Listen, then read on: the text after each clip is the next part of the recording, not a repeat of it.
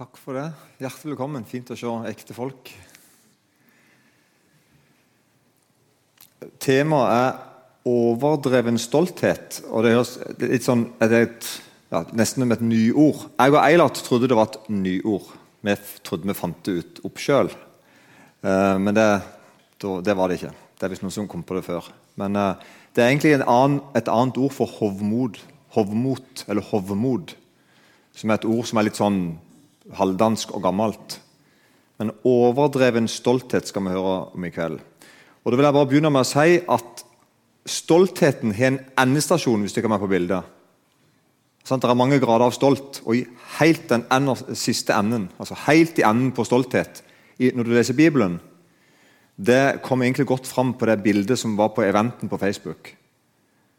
Der er det bilde av en fyr som står inntil en vegg en grå vegg. I den grå veggen er det ei sprekke med lys i. Veldig smal sprekke som han skal passere gjennom. Og Så har han med seg en del bagasje, og på den ene kofferten står det 'stolthet'. Og Så ser vi det at det er kofferten kom ikke inn der. Ser du ikke det? Så her er vi liksom med endestasjonen til stolthet, om du vil, sånn bibelsk sett. At det er noen ting som er sånn at jeg må, jeg må, jeg må slippe stoltheten for å følge Jesus, eller jeg må stå igjen med stoltheten uten Jesus. Er det, det er liksom alvoret når, når, Bibelen snakker om hovmod og stolthet. Så det er mange andre, måter, mange andre ting vi kunne sagt om stolthet som vi ikke kom inn på i kveld, men det er særlig dette her som jeg vil dele litt med dere. Kjære Jesus, vi er fortsatt her med Din Hellige Ånd, med Ditt Hellige Ord, for navnet ditt skyld. Amen. Og Det bildet der, den illustrasjonen der, det passer godt til det Jesus sier i Matteus 7, vers 13. Gå inn gjennom den trange porten.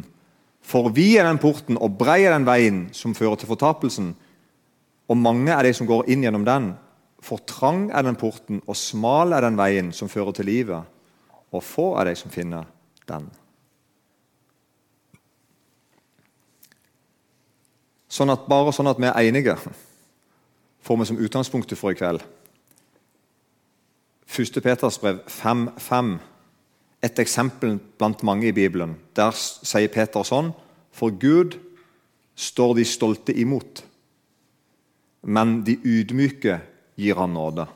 Og Da forstår vi jo litt på en måte andre enden av, av skalaen. Ydmykhet står altså som en radikal motsetning til hovmod eller stolthet. Og Derfor fortsetter Peter da i neste vers. Ydmyk dere derfor under Guds veldige hånd for at han kan opphøye dere i sin tid. Og kast all deres bekymring på ham, for han har omsorg for dere. Og når jeg leste det, Hæ, hvorfor står det akkurat der? Så da tenker jeg på, Er det en sammenheng her? Er det en sammenheng mellom å kaste bekymringer på Herren eller la være, og da være stolt eller ydmyk? Er det, en, er det en sammenheng her mellom bekymring med stolthet og underordning? Det skal vi komme litt tilbake til seinere, for det er der. Salomos ordspråk, Det gamle testamentet, med andre ord, der sier Salomo sånn Forut for undergang går overmot, og forut for fall en hovmodig ånd. Så dere får ikke det? Liksom, når undergangen kommer, så har noen vært der før, og det var, da hovmodet. Hovmodet kommer først, på en måte, og så kommer undergangen etterpå.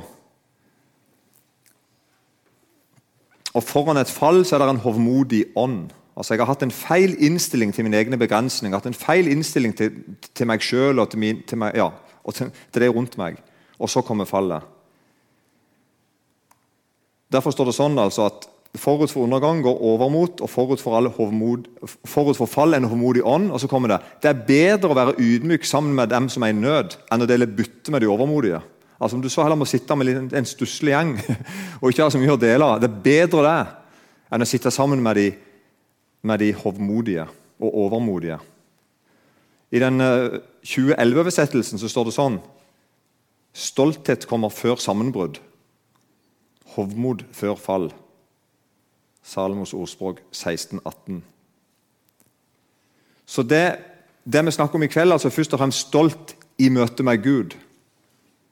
Det er den stoltheten måte som Gud og uh, Bibelen kritiserer. Det er, er, det er, min holdning til, til Gud. Altså, det er ikke noe galt i å være stolt, enten det er fotballaget ditt Det spørs litt forresten hvilket lag du heier på.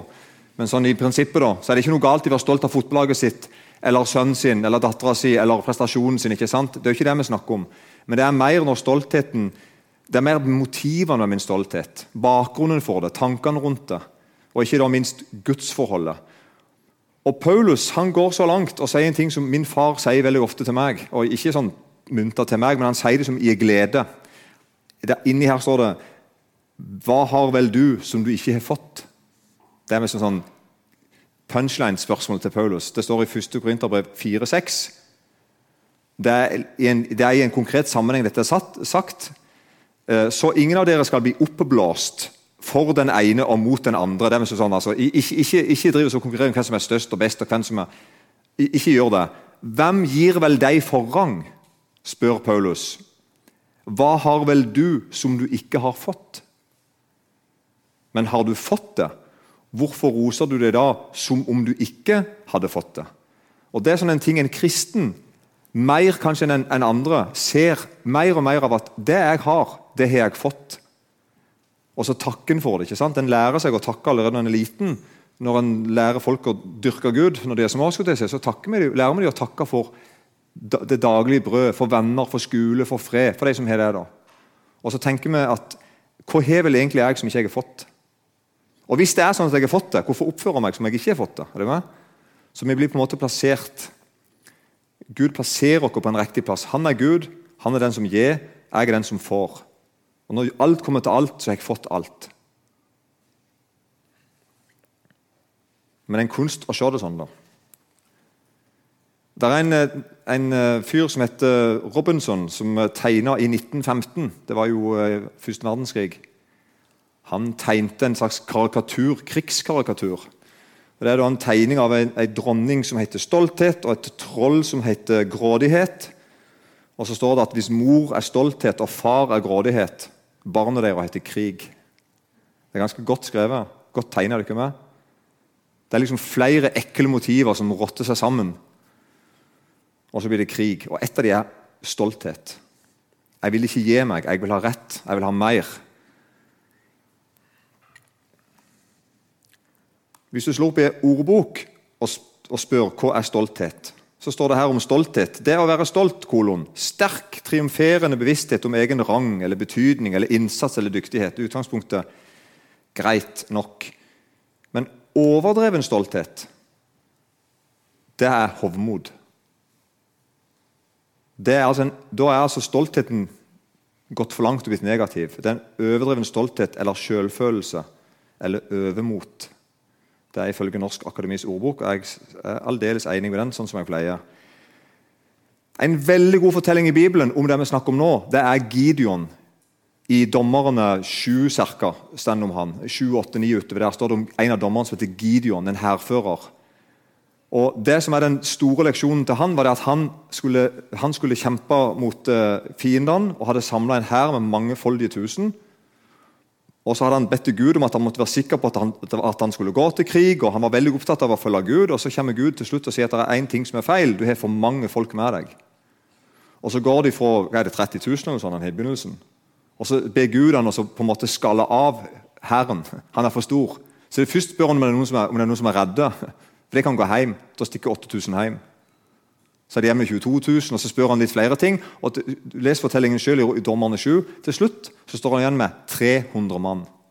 Og Da sier Gud nå skal du gå i krig. Ikke sant? En enorm, altså, og det er Gud som altså Gud vil det. Og så sier Gud hvorfor. Rett ut i Dommerne 7,2.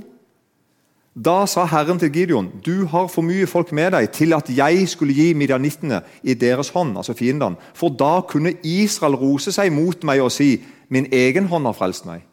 Altså Gud så det at Hvis, hvis du ikke er mange nok og vinner krigen, så kan du ikke rett og slett tro at det var du ikke som vant. Og at ikke det var min velsignelse og det at jeg sto bak. Og så les, ser, leser vi da fortellingen, og den spennende fortellinga. Det er forferdelige detaljer i det. da, men... Uh, om Gideon, som nå, og så vinner de. 300 mann. Og Så står da Gud igjen som er ære. ikke vel? Og Alle folkene rundt snakker om først og fremst om det folket og guden deres. Sånn er det i hele Israels historie. Gud fører de helt ut i knipa, tilsynelatende. Der, der er ingen vei utenom. Og Så kommer Gud og gjør et under, og så står han igjen med æra. Det vil si, det er det han ønsker. da. Men veldig ofte kommer menneskene inn og vil ha litt ære. Moses gjorde det sjøl, og han ble straffet med at han ikke slapp inn i det lova landet. Han ville ikke la Gud ha hele æra. Så ære være Gud. Ære være Gud. Gud er enormt opptatt av at han skal ha all ære. Det står om menneskene, Når det går helt galt med menneskene, så står det her at de bytta bort Guds sannhet mot løgnen og æret hva da? Ikke Gud, men de æra og dyrka skapningen framfor skaperen. Han som er lovprist i evighet. Amen. Så det er En slags, en av de store tingene som skjer når mennesket mister samfunnet med Gud, er at de ikke ærer han lenger. Og de ærer faktisk det han er skapt. Og da har jeg sagt sånn at Når vår stolthet kommer i veien for Guds ære, da er det hovmod. Dette er faktisk min forklaring, så jeg er veldig fornøyd med det her. Hvis det er feil, så er det sånn, så gjerne kommenter det, men det her kom fram til. Altså Når min stolthet kom i veien for Guds gjerde, da er det hovmod. En overdreven stolthet. Og så er det noen rare fortellinger i Bibelen. De er kjemperare. Nå skal ikke jeg tillegge Jakob og Johannes for mye her, men hvis for du leser i Matteus 20 og vers 20 og utover Det er sånn at du kan lure hvis du ikke har lest, lest fortellingene. Mora til Jakob og Johannes, to voksne folk, som da var disiplene til Jesus, hadde vært en stund. Mora deres hun kommer sammen med sønnene sine. Ser dere for dere det? Hun var på min alder, gammel kone. Og kommer sammen med sønnene sine, to voksne menn. Iallfall sånn halvvoksne. Og så går hun til Jesus og så sier hun, og falt ned på kne og, og, og for ham. Og, altså, så kom mor til CBD-sønnene, det er Jakob og Johannes, til ham, Jesus, med sønnene sine, og falt ned på kne for ham for å be han om noe. Han sa til henne, 'Hva vil du?' Hun sa til ham, 'Si at disse to sønnene mine skal sitte hos deg i, i ditt rike.' 'En ved din høyre side og en ved din venstre.' Men Jesus svarte, dem, svarte og sa, 'Dere vet ikke hva dere ber om.' Men altså, tanken hos henne var jeg tror ikke det er feil av meg å si det, tanken var at hun ville på en måte sikre at sønnene hennes fikk det fint. Og, og, og Gjengrett så spør Jesus kan du gjøre det sånn at mine to sønner sitter én på hver side av deg. Er ikke med? Det er jo, det er jo helt sprøtt. Eller kanskje mor vil tenke at nei, ikke det, det det jeg har gjort. Men er du ikke med? Hva, er du ute etter? Hva, hva, hva, er det du ønsker for ungene sine? Og Så svarer Jesus at du, ikke vet faktisk ikke hva du ber om. Altså, og Grunnen til det er at det kommer her. Han spør videre kan dere drikke det begeret jeg må drikke. De, de sier til ham det kan vi. Ja, ja, ja, det kan vi. Han sier til dem, 'Mitt beger skal dere nok drikke, men å sitte ved min høyre og min venstre side, det står det ikke til meg å gi, men det er for dem som er beredt for av min far.' Og så kommer det, er det ikke meg, så De blir satt på plass. Sånn funker det ikke. Og så står det da i vers 24 Da de ti hørte dette, altså de ti andre disiplene, sant? de som ikke var Jakob og Johannes, ble de harme på de to brødrene. Og da, De bibelkommentarene jeg har lest, sier at det de ble harme på, det var egentlig at å, du ikke kom først. Du ikke sneik i køen. på en måte. Så frekt at ikke to snakka med mora deres og gikk til Jesus først. De hadde òg lyst til å sitte på høyre og venstre side av ham. Er du ikke med? Sånn er det. Uh, nå skal ikke jeg tillegge dem for mye, men jeg tror ikke det er feil jeg sier. Les og, og bedøm. Det er tydelig at Jesus ikke syntes det var et bra spørsmål. Men tanken er jo på en måte at jeg vil være noe litt mer enn de andre. Og vi er villige til å gå ganske langt for å på en måte ta en del av ei ære som ikke vi har.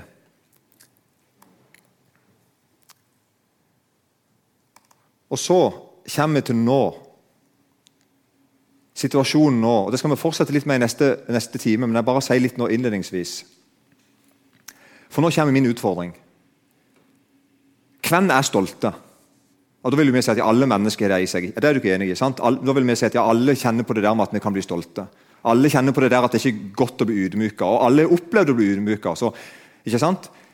Så det er ikke det jeg snakker om, hvem vi er som enkeltpersoner, og at vi er syndige osv. Det, er ikke, det, det er ikke poenget mitt nå. Poenget mitt nå er kristenfolket i Norge. Kanskje enda tydeligere eh, bedehusfolket, sånne som meg og du, kanskje. I den grad du er blant deg. Hvordan ser det ut når vi blir stolte? Ikke bare sånn én og én, men litt sånn som flokk. Er du ikke med? Og Da har jeg skrevet noe her. Greia på en måte er sånn at stoltheten den kler seg ut som ydmykhet eller som mismot. Og Det er på en måte stoltheten sin natur. Altså Stoltheten kan ikke innrømme at han er stolt. Da har jo stoltheten innrømt noe. og da er han jo ikke stolt lenger. Er du med? Så det, det er umulig for stoltheten å gå på en smell. Så det virker som veldig ofte når et menneske blir stolt, da blir ofte det mennesket vil heller innrømme at de er lei seg, at de er triste, at de er mismodige. at de, ikke sant? Heller noe sånn enn når vi sier at 'jeg har gått på en smell', 'jeg har tatt feil'. For det er ydmykende. Og derfor skal jeg gjøre det akkurat som med løgnen. Altså, Løgn blir aldri tatt seriøst hvis du kommer som seg selv og sier 'Hei, jeg heter Løgn, vil du høre på meg?' Da sier du nei, du må har hørt. Selvfølgelig vil jeg ikke det. Så løgnen kommer til deg og sier at det, ikke er løgn. Løgnen er nødt til å kle seg ut som sannhet. ikke sant? Og Så hører du på det, og så tenker løgnen at så lenge du ikke avslører meg, så, så blir jeg tatt for å være sann. Og Jeg ser det helt tydelig i stoltheten. At veldig ofte i det kristne arbeidet så kan vi få en stolthet over måten vi jobber på, måten vi ikke jobber på, hva vi mener og hva vi gjør osv. Og så når, når, når da resultatene uteblir, når vi begynner å kjenne det er vanskelig, så vil vi heller si at vi er mismodige. Vi vil heller si at vi er lei oss. Vi vil heller si nesten hva som helst annet enn å si kanskje vi har tatt feil. Kanskje jeg må slutte med det jeg gjør. Kanskje jeg må begynne på nytt. Jeg vet ikke om du ikke er enig i dette.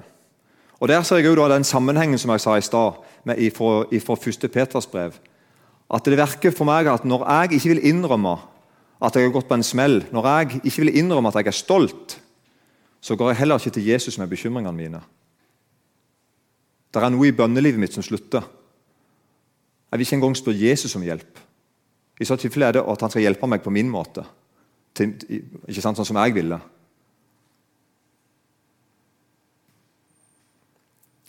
Sånn at når vi gir Jesus rett For Gud står de stolte imot, men de ydmyke gir han nåde. Det virker som her altså at når jeg ydmyker meg innenfor Guds veldige hånd, så kan jeg kaste all min bekymring på han. Og så opplever vi at han har omsorg for oss. Han, han, ikke, han, vil ikke, disse meg, han vil ikke holde meg nede fordi han syns det er fint. Men han vil gi meg, han, vil gi meg, han må ydmyke meg for at han skal få rett. Skal han få sin vei med meg, så må han rett og slett overta og bli herre. Kjære Jesus, velsigna det jeg har sagt, for navnet ditt skyld.